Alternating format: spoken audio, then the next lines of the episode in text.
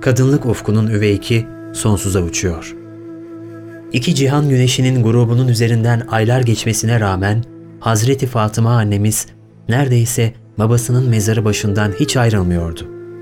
Gecesi gündüzü orada geçiyor, iniltileri Medine'yi sarsıyor, gözyaşları sel olup akıyordu. Çifte güzeller Hasan ve Hüseyin'in elinden tutuyor, ağlamak için her gün onlarla beraber babasının kabrine gidiyordu. Onun ağlayışları ve okuduğu şiirler Medine'yi inletiyordu. Babasının ardından söylediği son derece içli ve güzel ağıtlar koca bir divan olurdu. Kederlerim gündüzlerin üzerine dökülseydi gece olurdu. Senin varlığınla gölgelenirdim. Ne korkum vardı ne tasam. Senden sonra bana sadece hüzün eş oldu. Ve yalnız gözyaşlarıma sığdım. Ahmet'in toprağını koklayanlar için ömrü boyunca başka bir koku duymak artık muhaldir. Yaz bürümüştü Medine'yi. Medineliler Hazreti Ali'ye aracılar yolladılar. Efendimizin hatırasıdır Fatıma'mız.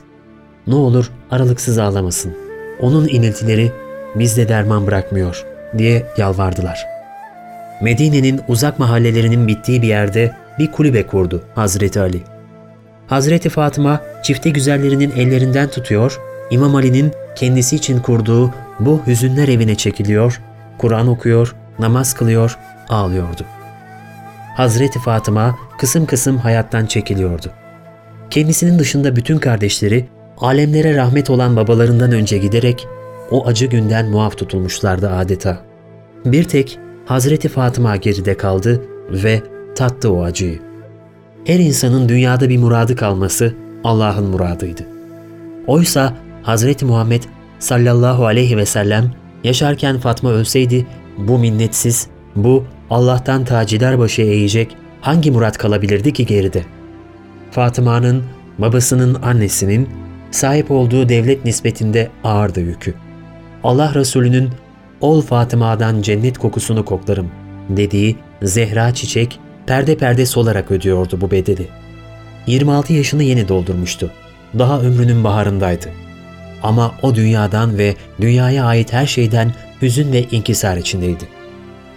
Muhammed Mustafa'yı sallallahu aleyhi ve sellem artık barındırmayan bir dünyanın renkleri solmuş, sesleri bozulmuş, kokuları uçmuştu. Fatıma, Allah Resulü'nün sırtlarında taşıdığı biri yedi, diğeri sekiz yaşındaki çifte güzellerine bakıp bakıp ağlıyor, yemiyor, içmiyor, konuşmuyordu.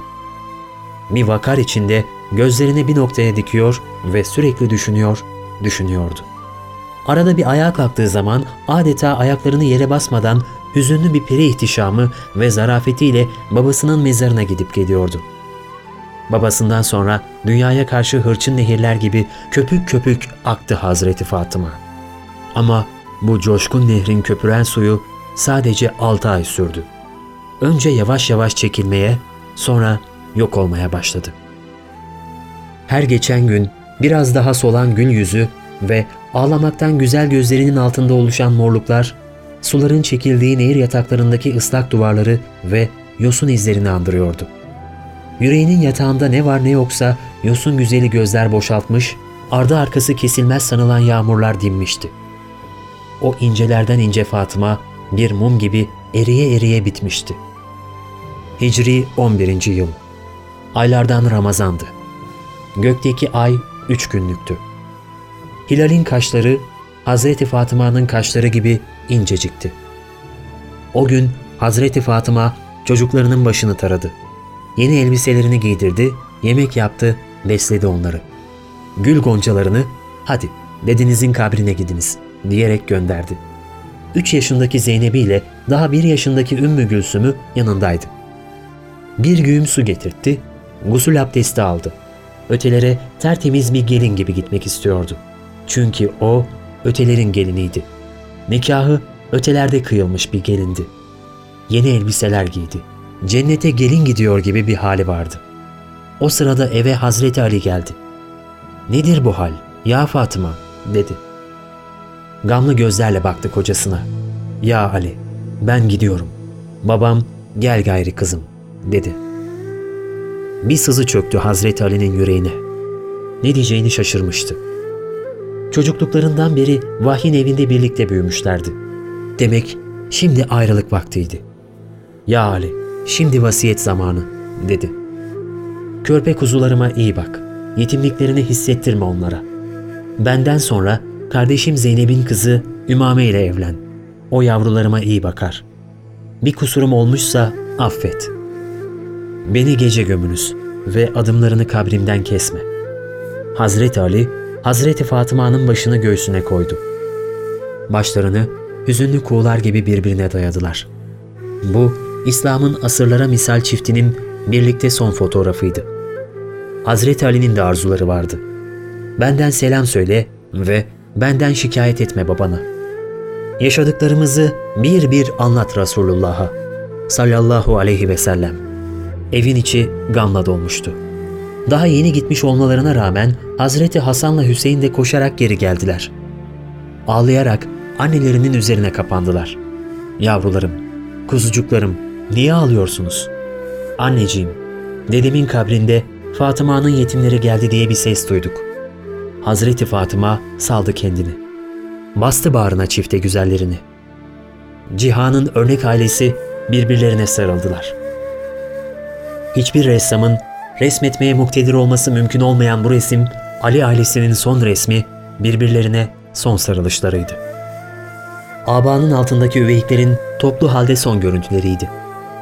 Benden sonra kim yıkar, kim tarar saçınızı, kim yemek yapar sizlere diye inledi Hazreti Fatıma. Bağrına bastıkça bastırdı yavrularını. Hazreti Fatıma yavrularını severken can çekilmeye benzer hiçbir hal göstermeden ve en küçük bir ses çıkarmadan uykuya dalan yalnız bir kuğu gibi ötelere geçiverdi. Nergis gözler kapandı.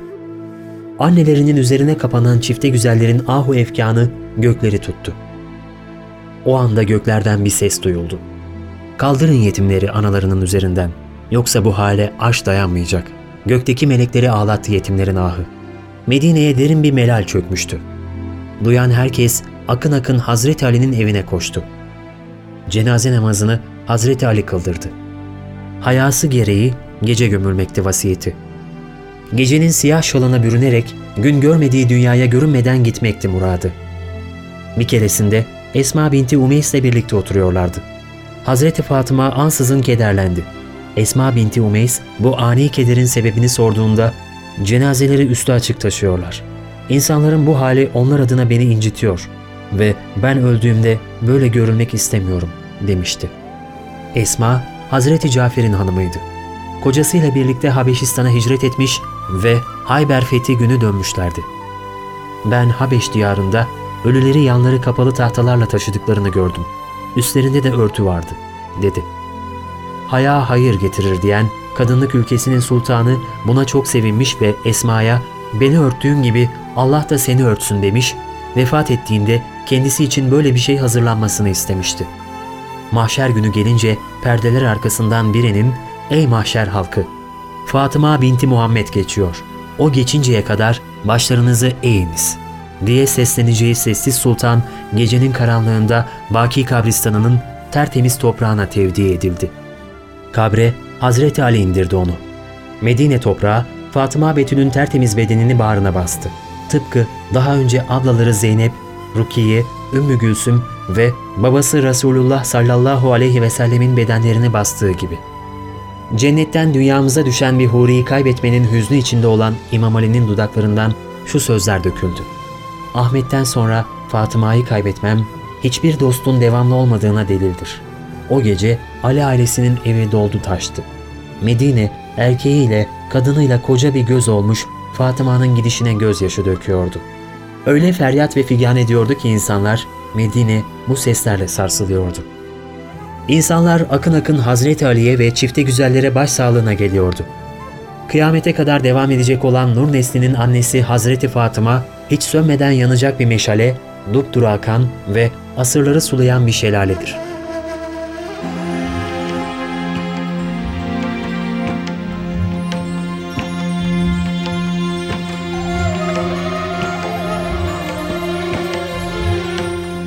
Emektar soba sönmüştü.